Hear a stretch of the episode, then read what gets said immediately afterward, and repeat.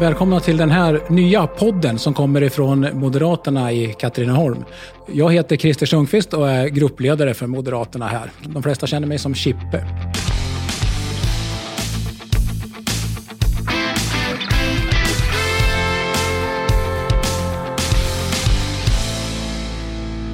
Välkomna till Moderatpodden i Katrineholm. Det här är sjätte avsnittet och idag har vi två gäster faktiskt. Men vi börjar med Kristoffer Ökvist. Han är också ordförande i Moderaterna i Katrineholm. Första namn på regionvalsedeln.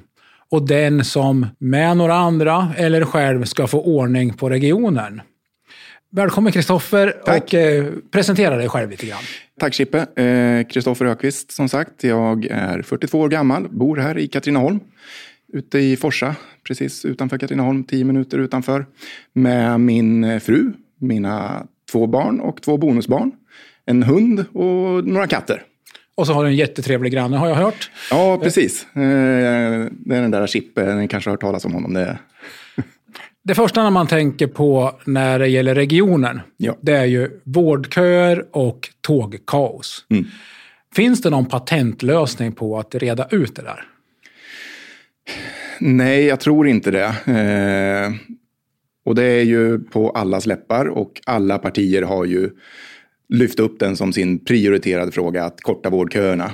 Eh, sen kan man ju tycka vad man vill om det när de som har styrt nu i minst en mandatperiod när de säger att nu ska vi korta vårdköerna. Men eh, alla har ju olika vägar dit och vi har ju från Moderaternas sida tagit fram hur vi vill korta vårdköerna i Sörmland. Och vi ser ju att ja, men det är satsningar på personal. Vi måste få personal att vilja jobba kvar för det första, men också få personal som har slutat att komma tillbaka. Men också att locka helt ny personal. Ja, men det krävs mång många och stora satsningar på, på det här området. Sen behöver satsningar inte betyda att det ska kosta mycket mera pengar. Vi har ju till exempel väldigt, väldigt mycket hyrpersonal inne. Om vi istället då kan bli en attraktiv arbetsgivare och få den personalen som vi har att stanna kvar istället för att vi ska behöva hyra in och vi kan anställa istället för att hyra in så sparar vi ju en hel del pengar där för det är ju billigare att ha egen personal än att hyra in personal hela tiden. Så vad säger du till dem som har väntat jättelänge i en vårdkö eller de som har utsatts för försenade tåg och, eller inställda tåg? Vad är ditt så, korta meddelande? Ja, men om vi tar eh, vårdköerna först då, så eh, har vi från Moderaternas sida, vi har ju gått ut och lovat på nationell nivå att vi ska korta vårdgarantin från 90 dagar till 30 dagar. Och det här ser vi att det är fullt möjligt om vi bara utnyttjar våra resurser, både personella och lokala resurser, på, på ett bättre sätt än vad vi gör idag i regionen. Och när det gäller eh, de som pendlar, Sörmland är ju en pendlarregion. Vi har nio kommuner med stor utpendling till arbete, både inom Sörmland men också till eh, kringliggande regioner. Och då måste det fungera att pendla. Och med MTR här nu som tog över, de har haft nio månader på sig nu. Det har inte blivit avsevärt mycket bättre. Sen är inte problemet enbart deras. Jag menar, SJ har ungefär samma problem med att få tag på lokförare som MTR har. Nej, men jag ser nog att eh, vi fortsätter att sätta hård press på MTR, men vi måste nog också se över det avtalet vi har med dem. Finns det möjligheter att bryta det här avtalet? Jag skulle precis komma till det, för att eh, du har ju sagt i en tidigare intervju och det stod i tidningen att man bör överväga möjligheten att säga upp avtalet med MTR. Så då skulle jag komma till, har inte SJ samma problem med tågpersonal? Mm. Och nedrivna kontaktledningar, folk på spåret och liknande, det kan man ju faktiskt inte lasta MTR för. Nej. Och sen kan man säga det också, det största misstaget, eller vad vi ska kalla det, som MTR gjorde när de tog över var ju att de i samband med att de tog över dessutom ökade med 40 avgångar per dag. Jag kan väl tycka att det bästa hade väl varit att starta igång med samma antal avgångar som tidigare och få det att fungera först innan man väljer att utöka med ett stort antal ytterligare avgångar.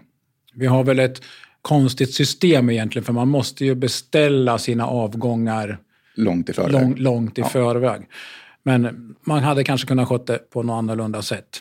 Men som regionråd nu då, blivande får vi ju hoppas, då bör man ju ha en övergripande kunskap om regionens alla uppdrag. Mm. Och då har vi primärvård, sjukhus, folkhögskolor, museum, naturbruksgymnasie, kollektivtrafik, biblioteksutveckling, scenkonst med mera, med mera. Alltså, kommer du att åka och besöka alla de här verksamheterna eller, och hur lång tid kommer det att ta att sätta sig in i allt det här? Precis, det är bra att du lyfter det där. För det, när man är ute och pratar med folk så tror ju folk att eh, det, det, är vård. Och det är det de flesta pratar om också. Och visst, 80 procent ungefär av regionens uppdrag handlar ju om vård. Men sen har vi alla de där andra sakerna med kollektivtrafiken, kulturen och utbildning och så vidare. Och det, jag räknar med att ja, men det kommer nog ta i alla fall två år. Och när jag pratar med, med kollegor som har varit länge i regionen, både från vårt eget parti men från andra partier också, så säger de att räkna med minst två år innan du känner dig hyfsat bekväm och har hyfsad koll på alla områden. Dessutom är det ju en jättestor administration som man ska lära sig hur den fungerar. Precis. Alltså personalen är ju utsliten, vårdpersonalen ska vi säga, är utsliten efter pandemin. En del har tröttnat och byter jobb. Hur gör man för att få en så bra arbetsmiljö att vårdpersonal, som du sa förut, stannar, kommer tillbaka eller att det blir lättare att anställa ny personal? Mm. Hur löser vi det? Vissa vill ju få det till att det bara är vad som syns i lönekuvertet som är det viktiga. Men när man är ute och pratar med personal och man pratar med personal som har slutat så kommer kanske lönefrågan på tredje, fjärde plats. Utan det är de lyfter som, som allra största orsaken till att man kanske har lämnat eller att man tycker att det är, eh, man funderar på att lämna. Det är att man saknar möjligheten att vara med och påverka sin egen arbetsplats. Man tycker att man har för få kollegor och sen där någonstans strax efter där så kommer just lönen. Så det är ju en stor nöt att knäcka liksom vad, vad vi ska göra. Men vi vill ju satsa på, på personalen på så sätt att om de ges större möjligheter att vara med och påverka sin egen arbetsplats. Och det är ju en lednings och styrningsfråga. Har vi chefer som involverar sin personal? Ja, det kommer inte vara någon lätt nöt att knäcka det och inte snabb heller, skulle jag gissa på. Men eh, varför ska man rösta på Moderaterna och varför ska man kryssa dig i regionvalet? Mm. Nej, men framförallt så ska man ju rösta på Moderaterna för att vi tar ett helhetsansvar. Vi eh, fokuserar inte bara på en viss fråga som eh, vissa partier kanske gör, eh, kallar sig vård för pengarna. Och där kan vi säga att man fick ju inte så mycket vård för pengarna heller. Men med våran politik så känner jag att ja, men här är jag, jag är helt övertygad om att man skulle få mera vård för pengarna med den moderata politiken. Och jag personligen brinner ju för just folkhälsofrågor och det förebyggande arbetet. Vi vill ju egentligen inte att folk ska behöva söka sjukvård överhuvudtaget. Och då tillsammans med kommunerna och den egna individen så har vi ju ett väldigt stort arbete att göra där för att öka folkhälsan i Sörmland. Vi är ju det sjukaste länet i, i hela landet och vi har som mål att vi ska vara det friskaste länet till 2025. Och det är ju bara ett par år kvar till 2025 så det ser jag ju som ett ganska svåruppnått mål. Vi röker mest i Sörmland, vi snusar mest, vi har högst arbetslöshet, vi eh, eh har högst psykisk ohälsa. Jag menar, det, det är ett tungrott arbete att vända den här skutan. Eh, vi har ju flera sjukhus i Sörmland. Bland annat ett här i Katrineholm som heter Kullbergska sjukhuset. Som vi ju gärna vill värna. Och eh, där har vi ju nu fått eh, dialysavdelning. Man har satsat på nya, ny magnetkamera mm. och man har fått till det här med operationssalar med renrumsteknik. Så men om eh, Moderaterna får styra landstinget, kommer vi att ha kvar tre fullvärdiga sjukhus i Sörmland då? Ja, det kommer vi ha. Sen behöver vi nog se över vilka av sjukhusen som ska göra vilka operationer och sådär. För det är bättre att vi har specialiserade avdelningar på ett sjukhus eh, för till exempel eh, hjärtoperationer eller eh, ledoperationer än att vi ska göra lite halvdant på alla sjukhus. Vi är inte en sån stor region så att vi har möjligheten att ha alla funktioner på alla tre sjukhusen. Men vi ska definitivt ha kvar Nyköpings lasarett, Mälarsjukhuset och Kullbergska sjukhuset. Så bra, då känner man sig lite tryggare. Det är väl till och med så att specialiserad vård får man nog kanske vara beredd att åka någonstans Utomlands. i landet mm. eller till och med utomlands. Men i alla fall någonstans i, i landet. Eh, jag tror att man, om man är sjuk, är beredd att åka dit där det finns den vård man behöver. Ja, men det tror jag med. Och där är det viktigt också att, att vi blir bättre på att upplysa om, om det fria vårdvalet. Att man har ju faktiskt rätt att söka sin vård vart man än vill söka den i hela landet. Det enda som kan vara är att man får vara beredd på att man får betala resan till och från själv. Exakt. Det där känner inte så många till. Man, man tror att man måste ha en remiss och så här. Ja. Det finns ju något som heter egen remiss. Dessutom. Tack Kristoffer. Nu ska vi byta gäst och höra vad en representant för de lite yngre har för syn på Katrineholm. Spännande. Tack. Välkommen Emma. Bara 21 år och alldeles nyss fyllda har jag kollat, så eh, grattis i efterskott. Tack snälla! Du får gärna presentera dig, vem du är för lyssnarna. Självklart. Emma Hedman då, 21 år gammal. Jag är född och uppvuxen i Katrineholm. Jag eh, jobbar till vardags på Unga Aktiesparare i Stockholm där jag projektleder en gymnasieprofil för att utbilda gymnasieungdomar egentligen i eh, ekonomi, sparande och eh, investeringar. Lite nischat mot aktiekunskap. Jag bor här i Katrineholm med min sambo Mattias. Vi har precis flyttat bort till Malmgatan. Och eh, tillsammans så driver vi ett släpvagnsföretag här lokalt i Katrineholm. Och dessutom så engagerar jag mig i lite olika styrelsearbeten då här lokalt i Katrineholm, i Sörmland och så lite nationellt i Sverige. Jag har ju kollat på Facebook, så jag ska ju fråga dig om all, Ja. all, allihopa de där. Men eh, jag funderar på, har du kommit ut på din nya balkong? Nej, inte än faktiskt. Inte? Nej. Det är lite skumt när man sitter, jag jobbar hemifrån lite grann och så sitter man inne vid matbordet och precis utanför så går då de här byggubbarna på balkongen. Så de traskar ju utanför precis på andra sidan fönstret Ja. om mig här. Ja. Vilken är din favoriträtt? Min favoritmaträtt? Åh, det måste nog vara lasagne tror jag. Lasagne? Ja, det är Ja. gott. Eh, jag gillar rotmos och fläsklägg. Okej, ja. Ja, men det är väldigt gott också. Ja. Ja. Kanske lite, li, lite mer för oss äldre. kanske. Så. Du sa ju att du är grundare av Katrineholms släpvagnar AB. Mm. Och, eh, jag har ju kollat som sagt på Facebook. Jag ser att du är styrelsemedlem på Ung Företagsamhet Sörmland. Stämmer. Projektledare på Unga Aktiesparare och det sa du att du jobbar med nu. Jajamän. Advisory Board på Företagarna Young. Precis. Och det om jag uppfattar är någon ny, eller nyare organisation på något vis. Ja, eh, Företagarna Young är egentligen en avknoppning då från Företagarna fast det fortfarande är samma organisation. Så att man vill promota och eh, stötta lite mer yngre företagarna. Så då räknas alla medlemmar som är med i Företagarna som organisation räknas in till Företagarna Young om man är under 35 år. Jaha, Så det är egentligen bara som en liten del av Företagarnas traditionella verksamhet kan man säga. okej. Men med allt det här, hinner du med någon fritidssysselsättning överhuvudtaget? Eh, jag tränar en del och eh, umgås såklart med vänner och familj. Men det är, det är mycket jobb och det är mycket att stå i. Vad tränar du då? Vi tränar en del på STC, så vanlig styrketräning. Och sen så har jag börjat få in känsla lite grann för crossfit nu. Så att jag har hängt lite grann på Okej. boxen här också senaste veckorna. Och det är väldigt trevligt. Man brukar säga att i Katrineholm så har vi en låg utbildningsnivå. Jag börjar fundera på om det verkligen är så. Det kanske det är i genomsnittet. Men hur upplever du att... Du är ju välutbildad och du har säkert kompisar som också är välutbildade. Men hur upplever du det? Har vi låg utbildningsnivå eller finns det kompetens i Katrineholm? Bra fråga. Jag är ju inte speciellt högutbildad. Jag har ju bara en gymnasieexamen egentligen. Så att jag är oftast yngst och eh, eh, mest oerfaren kan man väl säga i de flesta sammanhang. Och jag är lite så här att jag förespråkar ibland att man kanske inte alltid måste ha jättehög utbildning för att klara saker. Eh, jag är ju ganska engagerad i företagsvärlden generellt.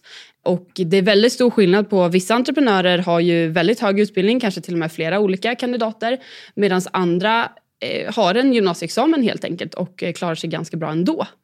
Men för att svara på din fråga så tror jag generellt att eftersom att vi inte har något universitet eller högskola just i Katrineholm så kan jag tänka mig att den kanske inte är lika hög här som den är i till exempel då Stockholm eller Uppsala eller Umeå där man kanske har universitet nära till hands. Eller Eskilstuna nu. Eller Eskilstuna, stämmer bra. jag får faktiskt säga att jag håller med dig och tycker precis likadant. Att utbildningsnivån säger ju inte hur duktig du är egentligen. Utan arbetslivserfarenhet borde också räknas in som utbildning eller kunskap. Mm. Förr så sa man ju så här att eh, var snäll mot den dummaste i klassen för en dag blir han din arbetsgivare. Mm. Lite så kan det ju vara. Ja, men precis. Och jag tror att skolan generellt är ju ganska gjord för akademiker och folk som tycker att det är kul att läsa och skriva. Och just i entreprenörskapssvängen så skulle jag inte säga att entreprenörerna själva tycker att läsa och skriva är det roligaste utan man har ganska mycket roliga och knappa och kreativa idéer och eh, andra egenskaper som ibland kan väga lite tyngre. Så. Ja, själv har jag faktiskt varit med i Oppinova uppfinnarförening. Okej, se där. En, en gång och det roligaste var ju faktiskt att eh, greja med den, uppfinningen man höll på med för att se om det fungerade. Liksom. Vad tycker du om skolan generellt och uppmuntrar man elever i tillräcklig omfattning att starta UF-företag till exempel? Bra fråga. Eh, ganska bred fråga. Jag har ju drivit UF-företag själv här i stan och UF var nog det som påverkade mig mest under hela min gymnasietid. Det var nog när, efter att jag hade drivit UF som jag kände att eh, jag vill göra någonting helt annat än det jag kanske hade planerat de, de senaste åren. Och man promotar elever ganska olika från kommun till kommun och skola till skola också för den delen om hur mycket man tycker att man ska driva UF-företag, hur viktig den frågan är och hur mycket skoltimmar man får lägga. Jag vet att jag och mitt UF-företag var med upp till SM och tävlade, ingick i, i Sörmlands trupp då. Och vi läste kanske i snitt ska inte, ni får inte ta mig på orden, men kanske två, tre timmar i veckan så läste vi UF-företag. Medan då de som var med från Eskilstunas kommun och från vissa skolor där kanske läste i snitt mellan 8 till 10 timmar UF i veckan. Så då har man ju väldigt mycket olika förutsättningar för hur mycket man får ta del av den här entreprenörskapsutbildningen som man faktiskt får genomgå i skolan. Det är ett av väldigt få praktiska moment man får läsa Speciellt när det kommer till de eh, ja, akademiska linjerna, lite ekonomi och SAM och så. Så du skulle önska att vi utökade de timmarna lite så vi kommer upp lite mer i balans med de andra? Absolut. Jag är ju verkligen en person som tycker att UF är fantastiskt och eh, det borde finnas på dels alla linjer eh, men framförallt så borde man satsa på det mer i skolan. Jag måste fråga, eh, vad drev du för UF-företag? Eh, jag och mina klasskamrater drev ett UF-företag som gjorde en egen kokbok. Så tillsammans med en diabetessköterska så skapade vi egna recept. Vi skrev eh, kapitel om hur man eh, ja, men liksom preppar sina måltider. Dels för hälsoskäl men också för att det är väldigt bra för plånboken och för miljön. Så att det blev en väldigt eh, omfattande bok och eh, ett tag så kände vi nog att vi tog oss lite vatten över huvudet men det gick ganska bra ändå. Fick ni boken i tryck? Ja men det fick vi. Eh, vi tryckte den lokalt här och eh, vi tryckte upp den i 200 exemplar, kanske 250 tror jag. Så att en hel del i alla fall. Har du några kvar? Jag har några få kvar som jag behåller. Som ja. Jag får lite förfrågningar ibland om jag kan släppa dem. Men de håller jag hårt. De ligger hemma i förrådet. Du är en ung företagare. Har du fått eh, alltså, där hjälp och stöd från kommunen eller någon annan som, eh, som du har behövt? Jag och min sambo startade det här företaget för ett och ett halvt år sedan lite drygt. Och jag måste nog erkänna att det var inte en jätteavancerad business att starta upp. Vi tog självklart eh, lite hjälp av, av andra företagare som man har lite kontakt med. Eh, men mycket gjorde vi nog faktiskt ganska ensamma så. Jag går just nu eh, mentorskapsprogrammet på Nyföretagarcentrum där jag får lite tips och tricks från min mentor då. Men annars så har vi nog gjort det mesta själva faktiskt. Alltså det är det här släpvagnsföretaget. Mm. Vad, vad, är det som utmärker ert släpvagnsföretag jämfört med andra? Min sambo är från Eskilstuna, så vi höll till där lite, lite innan och sen bestämde vi oss för att eh, när vi skulle köpa lägenhet tillsammans så skulle vi göra det i Katrineholm. Och när vi då skulle flytta så tyckte vi dels att eh, mackarnas släpvagnar var lite för dyra. Och dels så finns det ju då eh, Hugo släpvagnar som är en privat aktör här i stan. Men vi tyckte att det var lite för osmidigt att hyra därifrån. Just för att man behövde mejla eller man behövde ringa. Det fanns liksom ingen onlinebokning. Och vi som är då lite unga och krassna kanske tyckte att eh, så här moderna är vi väl så att vi kan ha en onlinebokning. Så att vi eh, bestämde oss väl egentligen för att ja, men då skapar vi en själva och så gör vi det som, som vi hade velat haft egentligen. Och det speglar väl ganska mycket lite så här företagarvärlden att man behöver inte alltid vara så himla innovativ och komma på någonting helt nytt utan man kan egentligen ta någonting som redan finns och bara göra det lite, lite, lite bättre. Exakt. Alltså, det var någon som sa för länge sedan, alltså, de mesta uppfinningarna är ju gjorda. Men genom att kombinera två redan existerande saker så kan man komma på nya saker och utveckla och så här. Mm. Men eh, hur gör man då? Om jag nu vill hyra en släpkärra, mm. vad, hur beter jag mig? Du eh, söker upp oss på vår hemsida och där så går det då att eh, välja och läsa om alla släpvagnar såklart, hur mycket den får dra, hur stor den är och eh, hur mycket du får lasta den. Och sen så kan du egentligen boka den väldigt smidigt via hemsidan så att du kan välja dag och tid och hur länge du vill ha den och liknande. Eller om man vill så får man självklart slå sig en signal så kan man ju hjälpa till med det också. Och vart hämtar jag den och vem lämnar ut sladden och sånt mm. Vi har faktiskt gjort det ganska mobilt så att vi är inte på plats. Vi hyr parkering av AD Bildelar borta på Lösbåsen. Och sen så får man då när man har hyrt en släpvagn så får man en kod till den på sms och sen så har vi faktiskt eh, kablarna där på plats. Så att du kan egentligen komma och eh, hämta den och lämna den när du vill egentligen. Och när jag lämnar tillbaka den, går jag då in online och talar om att jag har lämnat tillbaka den? Eller eh, nej, du ställer tillbaka den på parkeringen och lämnar sladden och eh, sen så önskar vi jättegärna att man skickar ett sms för då har vi ganska bra koll på att den står där. Ja. Men annars så brukar vi åka förbi åtminstone någon gång per dag och bara kolla till och så att allting ser okej och rätt ut. Ja, låter mm. smidigt. Ja, men ja. ganska hoppas jag. Ja. Eh, saknar du någonting i Katrineholm? Alltså generellt affär, restaurang eller är det någonting som vi skulle behöva ha som vi saknar? Eller som du saknar? Inte något specifikt jag kan tänka på rak arm. Katrineholm är ju en lite mindre stad och jag tycker att det är lite skönt också att vi är lite mindre. Bland annat därför vi kanske väljer att bo här eh, jämfört med att flytta upp till Stockholm så att jag hamnar närmare jobbet. Eh, men ingenting jag kan tänka på på rak arm tror jag. Det var ju, då vi lyckats ganska bra. Mm, alltså, ja. men eh, du kan få ge mig någon, någon timme eller två så kan jag säkert ja. komma på någonting. men vad tycker du om att bygga ett hus vid torget då? Ett vanligt hus? Ja, alltså man säger ju i media guldhuset men det är ja. inget guldhus utan det är ju Tegelstaden som ska bygga ett, eh, ett bostadsrättshus med verksamhetslokaler i nederbotten på mm. ungefär där arkaden ligger. Det finns ju såklart liksom fördelar och eh, nackdelar med allt. Dels så kan det vara bra att vi eh, bygger ut så att det finns, eh, vi kan locka hit fler människor, vi har fler lägenheter att erbjuda. Sen är det klart att jag förstår att man kan tycka att det kanske inte hör hemma där mitt på torget eller att det kanske förstör lite av den här känslan som man vill ha där. Men jag har nog ingen specifik åsikt om det tror jag. Nej, det har jag. Mm. Och jag tycker att det är bra. Och den kommer inte mitt på torget, den ligger på kanten. Hela ja. torget blir ju kvar. Och på tal om lägenheter så träffade jag den som har hand om Cityfastigheter här i stan och han berättade att de skulle bygga eh, minitvåor på torget efter Köpmangatan i deras fastigheter. Jag tror det var 17 stycken. Okay. Så att det kommer ju vara jättebra för dem. Det är ju superbra. Nära till pendling, nära till centrum mm. och eh, bra för de lite yngre kanske att få mm. en första lägenhet. Ja men klockrent. Få unga möjligheten att ta sig ut på bostadsmarknaden utan att det kanske behöver kosta skjortan. Ja, mm. nu vet jag inte jag vad de ska ta i hyra. Nej, men, men förhoppningsvis. ja, förhoppningsvis. Känner du dig trygg i Katrineholm? Om du, jag vet inte om du är ute och går på kvällar och sådär. Men... Relativt trygg skulle jag ändå säga att jag känner mig. Jag är nog kanske inte den personen som är eh, så orolig av mig generellt. Utan eh, jag känner mig nog ganska trygg när jag knallar från och till tåget om dagarna. Börjar det däremot gå mot kvällstid eller liknande så är det klart att man känner sig lite mer otrygg. Men det tror jag också är lite känslan av att det inte är så mycket folk ute.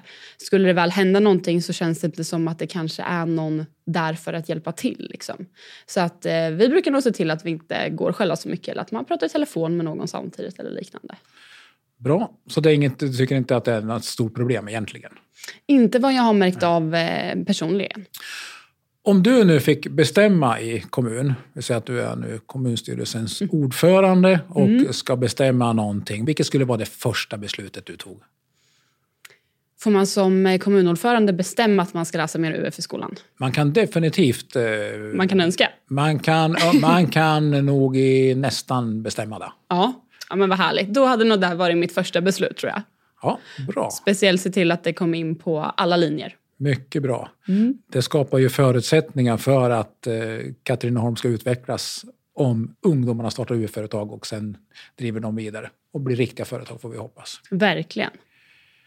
Besök oss gärna på sociala medier, på Facebook och Instagram. Där heter vi Moderaterna i Katrineholm. Podden finns på Spotify och Apple Podcaster. Emma Hedman, tack så jättemycket för att du ville komma och berätta lite grann om dig och vad ungdomar tycker i Katrineholm.